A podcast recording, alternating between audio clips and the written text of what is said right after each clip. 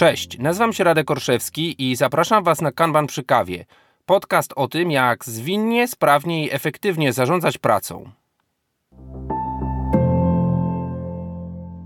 Witam Was serdecznie w kolejnym odcinku podcastu Kanban przy kawie. Tym razem głos już w pełni sił, chociaż za oknem jesienna pogoda. Mam nadzieję, że dobrze się macie. Chciałbym zaprosić Was na kolejny krótki, mięsisty odcinek o takim kanbanowym evergreenie, temacie zawsze gorącym dla osób, które są z tym podejściem nowe albo boją się zapytać o coś, co chodzi im po głowie od dłuższego czasu. Czy zadania powinny wracać na tablicy Kanban? Jesteście ciekawi, a może macie swoją opinię, albo chcecie poznać kilka technik, co zrobić, jeśli dochodzimy do takiego wniosku, że to zadanie musiałoby wrócić, tak czujemy, co wtedy zrobić? Zapraszam. Mówi się, że dobrą zasadą tak zwanych clickbaitów, a więc tytułów, które przyciągają, jest zawarcie w nich pytania i bardzo często w takim artykule, który pod właśnie takim tytułem ma miejsce, wcale tej odpowiedzi nie znajdujemy, albo znajdujemy ją szczątkową i na samym końcu. Ja się postaram, żeby dzisiejszy odcinek wcale do takich kategorii nie należał. Spróbujemy sobie opowiedzieć przede wszystkim o tym, co może powodować taką chęć czy zastanowienie, a następnie podam Wam trzy techniki, które możemy w takiej sytuacji zastosować. Zaczynamy. Pierwszym punktem jest oczywiście zdiagnozowanie sytuacji, która powoduje w nas taką wątpliwość, czy refleksję, czy zadanie powinno wrócić. Oczywiście wiemy, że w większości przypadków chcielibyśmy idealnego, przewidywalnego, płynnego przepływu zadań z lewej na prawą stronę tablicy, a więc z jakiejś opcji, z czegoś do zrobienia, aż do ukończenia tej pracy, idealnie do wytworzenia pewnej wartości. Natomiast wiemy, że mamy pewnego rodzaju przeszkody, które się pojawiają na drodze tego przepływu, między innymi różnego rodzaju wpadki, błędy, niedociągnięcia, nieporozumienia, które powodują, że zadanie nie może przejść przez kolejną dominującą aktywność. Takim przypadkiem, który na pewno można, powiem kolokwialnie, rolować setki razy, jest co jeśli zadanie nie przechodzi code review, albo co jeśli zadanie nie przechodzi testów wszelkiego rodzaju i to zadanie się tam zatrzymuje. Teraz musimy się zastanowić może troszkę filozoficznie nad tym, co właściwie tablica Kanban przez swoje kolumny pokazuje. W świecie Kanbanu, metody Kanban, mówimy o tym, że to, co znajduje się u góry nagłówka, czyli na górze kolumny, to jest jakaś nazwa aktywności, aktywności, którą wykonujemy, jeżeli mówimy oczywiście o stanie aktywnym, i że jest to dominująca aktywność. Z angielskiego nazywamy to dominant activity. Co to znaczy? No, jeśli by się zastanowić nad tym, to jeśli ktoś w danej chwili koduje jakieś rozwiązanie, a więc tworzy rozwiązanie jakiejś logiki biznesowej czy frontendu, które ma jakąś wartość dowieść, to takie zadanie moglibyśmy umieścić w kolumnie development, ale pytanie, czy to oznacza tylko i wyłącznie kodowanie. No, przecież w tym samym przypadku, w tym samym czasie, dla tego samego zadania moglibyśmy prowadzić aktywności takie jak przygotowywanie danych testowych, czy pisanie przypadków testowych, czy ustawianie właśnie środowiska testowego, a może pisanie dokumentacji. A więc widzimy już, że tak na dobrą sprawę to, że samo zadanie znajduje się w kolumnie development nie będzie oznaczało tylko i wyłącznie pisania kodu. To oczywiście jest właśnie szersza definicja tego developmentu, a więc wszystkich aktywności, które są potrzebne, żeby dostarczyć rozwiązanie, dostarczyć wartość.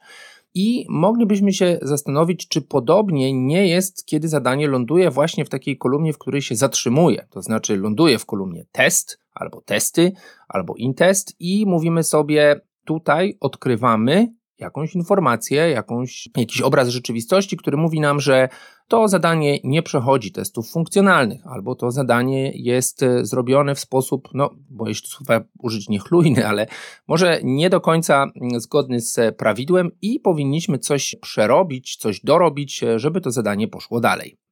Analogicznie do sytuacji z tym, co się dzieje w trakcie developmentu, być może w trakcie testów, takich wysokopoziomowego spojrzenia na to, że widzimy to zadanie w testach, również inne aktywności mogą mieć miejsce. I to jest pierwsza sugestia, że jeśli coś odkrywamy, to właściwie nie powoduje, że odkrywamy to, co zrobiliśmy już związane z tym zadaniem wcześniej, a więc, że cały development tego rozwiązania jest zły albo cała specyfikacja jest zła. Prawdopodobnie nie. Musimy coś tutaj dopracować. I z tego też powodu mówimy sobie, czy na pewno jest tak, że powinniśmy sobie to zadanie, które w jakiś sposób się blokuje, przerzucać jak takiego gorącego ziemniaka z powrotem w lewą stronę to raczej pokazywałoby, można powiedzieć, takie no, całkowite zresetowanie tej pracy i też nie byłoby pomocne, jeśli chcielibyśmy ten proces doskonalić, bo być może dałoby się to odkopać, ale byłoby to dosyć ulotne i trudne do znalezienia, co właściwie z tym zadaniem się takiego stało, że ono na przykład bardzo długo było na naszej tablicy, bo kilka razy właśnie zawracało.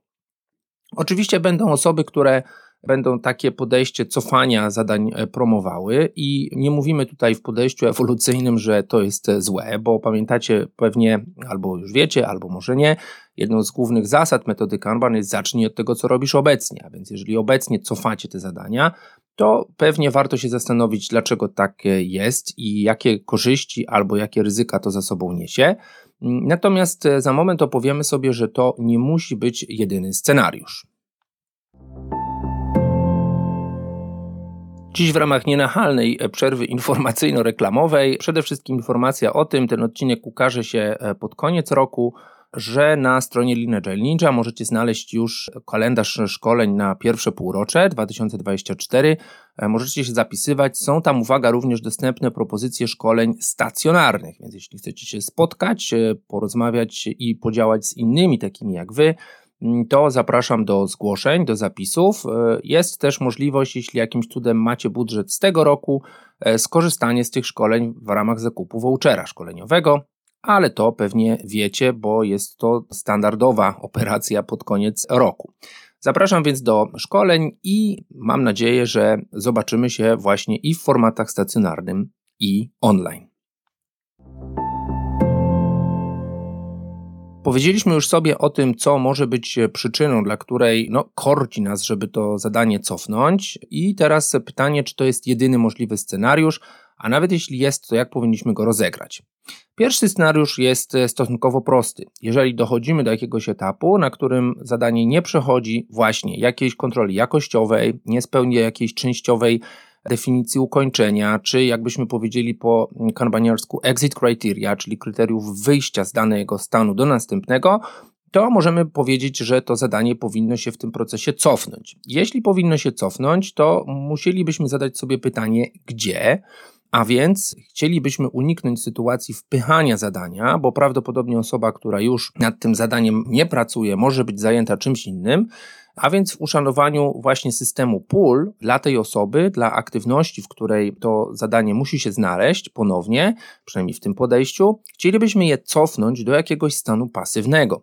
A więc znów do jakiejś kolejki czy bufora zadań do podjęcia, być może przez tą samą osobę, być może przez kogoś innego, bo na przykład, no, mówiąc wprost, doróbka jest na tyle pilna, że ktoś inny powinien to w miarę szybko przejąć. Być może też osoba, która to robiła wcześniej, jest akurat na, nie wiem, zwolnieniu czy urlopie, a więc powinniśmy ustalić jasno, gdzie to zadanie wraca. Jeżeli ono wraca, to naturalnie znajdzie się ono pewnie tam z zadaniami, które są nowe i które jeszcze nie są podjęte. Taka kolumna jak jakiś sprint backlog, czy open, czy next. E, I tutaj powinniśmy sobie zadać pytanie, czy takie zadanie, które wraca, nie powinno być traktowane trochę inaczej. Tu pewnie może Wam przychodzić do głowy kanbanowa mantra stop starting, start finishing. A więc być może, jeśli decydujemy się na takie rozwiązanie, to powinniśmy umówić się, że zadania, które wracają, znajdują się na górze takiej kolejki, a w pewnej polityce zaciągania z tej kolumny e, mają wyższy priorytet czy wyższą klasę usług niż zadania, które nie zostały jeszcze rozpoczęte. A więc chcielibyśmy dokończyć to, co zrobiliśmy, zamiast zaczynać coś nowego, nawet oczywiście, jeśli w trakcie już coś innego e, robimy. Tego typu rozwiązanie nie jest idealnym. Tutaj często spotyka się różnego rodzaju próby pomiaru tego, ile razy zadanie znajdzie się wobec tego w tym toku. Są nawet jakieś narzędzia, które będą pokazywały, ile razy to zadanie zawraca. Natomiast trzeba sobie powiedzieć, że praktycznie wszystkie narzędzia, komercyjne czy bezpłatne, w tym momencie będą głupiały, jeżeli chodzi o liczenie czasu realizacji. Bo właściwie ciężko jest teraz powiedzieć, kiedy ten ticket się rozpoczął, praca nad nim, kiedy się skończył i tak dalej, i tak dalej. Więc tutaj y, mocna przestroga, że jeśli chcemy w łatwy i wiarygodny sposób mierzyć czasy czy efektywność przepływu, to prawdopodobnie to nie jest rozwiązanie, które nas jakoś długoterminowo uszczęśliwi. No dobrze, a czy można zrobić coś innego zamiast tego cofnięcia, zawrócenia zadania? Drugim rozwiązaniem, które sugerujemy i które jest e, często pomocne, jest to, że zadanie, e, co do którego mamy jakieś jasne wątpliwości, że nie powinno przejść dalej, zatrzymujemy, prawdopodobnie sygnalizujemy, że jest ono zablokowane, a więc dajemy mu jakiś dekorator, jakąś flagę, być może przesuwamy do jakiegoś wiersza w tej samej kolumnie, w której ono jest, żeby zaznaczyć, że ono no, zjechało gdzieś na pobocze, tak można by powiedzieć trochę kolokwialnie. I co robimy, to jest y, dodajemy nowe zadanie, które jest y, znowu zadaniem, można powiedzieć, podrzędnym, jakimś podzadaniem, jakimś zadaniem podlinkowanym, zadaniem takim dzieckiem w takiej relacji parent-children, w której, no właśnie, może być ich więcej, tak, które podlinkowujemy i tworzymy na początku naszego procesu.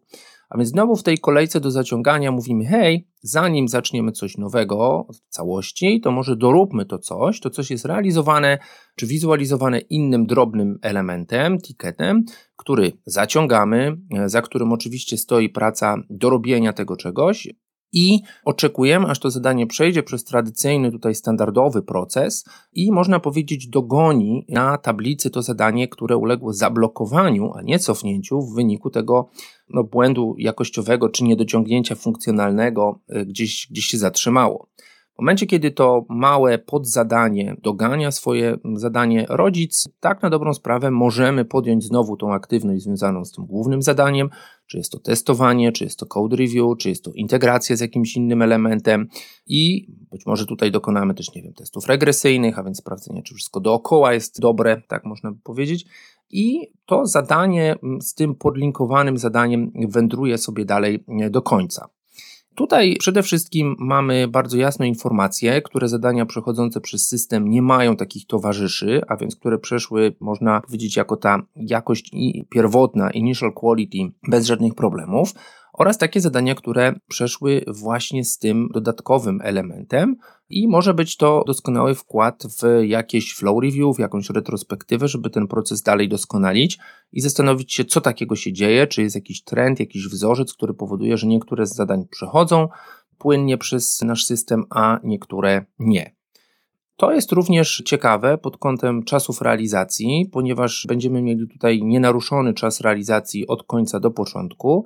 Natomiast może się pojawić tutaj pewien wykrzyknik czy czerwone światełko, ponieważ to zadanie może, powiedziałbym, pozornie spędzić dużo czasu w tym stanie, w którym zostało zablokowane. Natomiast oczywiście nie jest to praca nad tym zadaniem w tej aktywności, czy przez te osoby, które głównie się tym zajmują tylko jest to oczywiście oczekiwanie i pewnie to powinniśmy również zarejestrować jako taki przestój. Natomiast wiemy, że prowadzone są prace nad tym drugim mniejszym zadaniem. Znów, jeśli te drugie mniejsze zadania umieścimy prawidłowo w kolumnie do zaciągnięcia, wpiszemy je prawidłowo w jakieś polityki zaciągania, to pewnie zoptymalizujemy znowu kończenie tego zadania nadrzędnego versus rozpoczynanie czegoś nowego.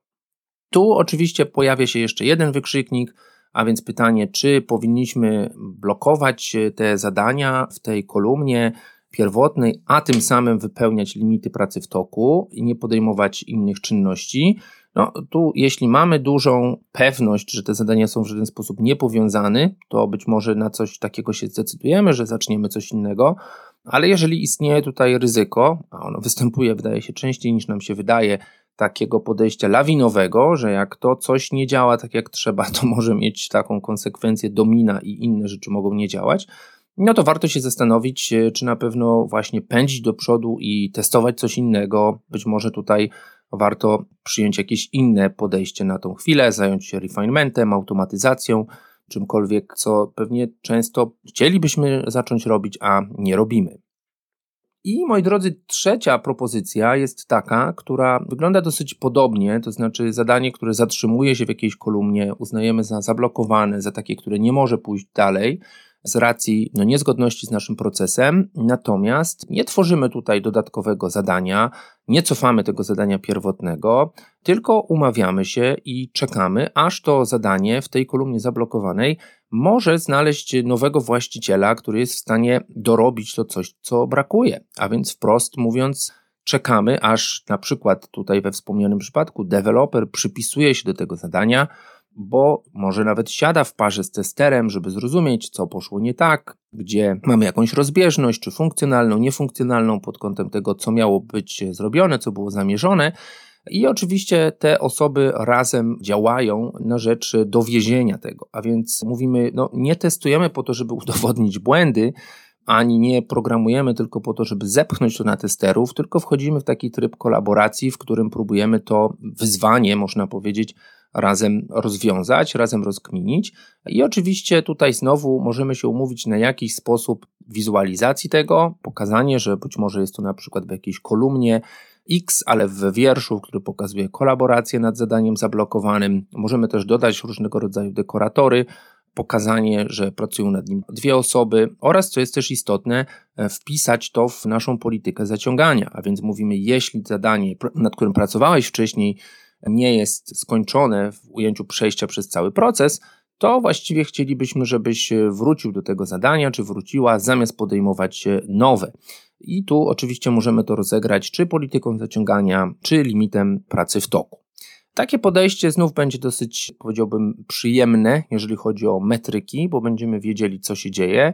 No być może nie będziemy mieli tak jasno informacji o tym, które zadania przeszły pierwotnie przez ten proces zgodnie z jakością, które nie, ale wydaje się, że to tak na dobrą sprawę w takim podejściu kolaboracyjnym przestaje być już takie istotne, bo nie chodzi tutaj o to, żeby udowodnić e, swoją rację czy swoją taką produktywność, tylko raczej dowieść razem wartość. To są, słuchajcie, trzy metody, trzy podejścia, które często proponujemy, jeżeli chodzi o, o ten zgrzyt, tak na, można też powiedzieć, z zawracaniem zadań. Oczywiście można pewnie znaleźć inne. Jestem ciekaw, jak to u Was się dzieje i czy któreś z tych rozwiązań jest może czymś, czego chcielibyście spróbować. Pamiętajcie, nie mówimy o tym, że któreś z nich jest definitywnie złe. Prawdopodobnie zacznijmy od tego, co robimy obecnie. Zastanówmy się, czy rozwiązanie, które mamy, sprzyja kończeniu, dowożeniu wartości, czy może właśnie niestety takiemu nieszczęsnemu ping-pongowi pomiędzy tymi kompetencjami czy podgrupami w zespole, czy raczej właśnie optymalizacji na flow. Jestem ciekaw Waszych e, uwag. Zapraszam jak zwykle do kontaktu albo na mediach społecznościowych, albo możecie zostawić komentarz czy pytanie chociażby na Spotify'u. I co jeszcze, jeśli ten odcinek Wam pomógł, bo znajdziecie tutaj może treść, która wiecie, że gryzie kogoś innego poza Wami, to najlepszą rzeczą, którą możecie zrobić jest podesłanie linku, wrzucenie tego na Wasze kanały społecznościowe, tak ażeby więcej osób mogło z tego skorzystać. Dziękuję pięknie i do usłyszenia następnym razem, mówił Radek Orszewski.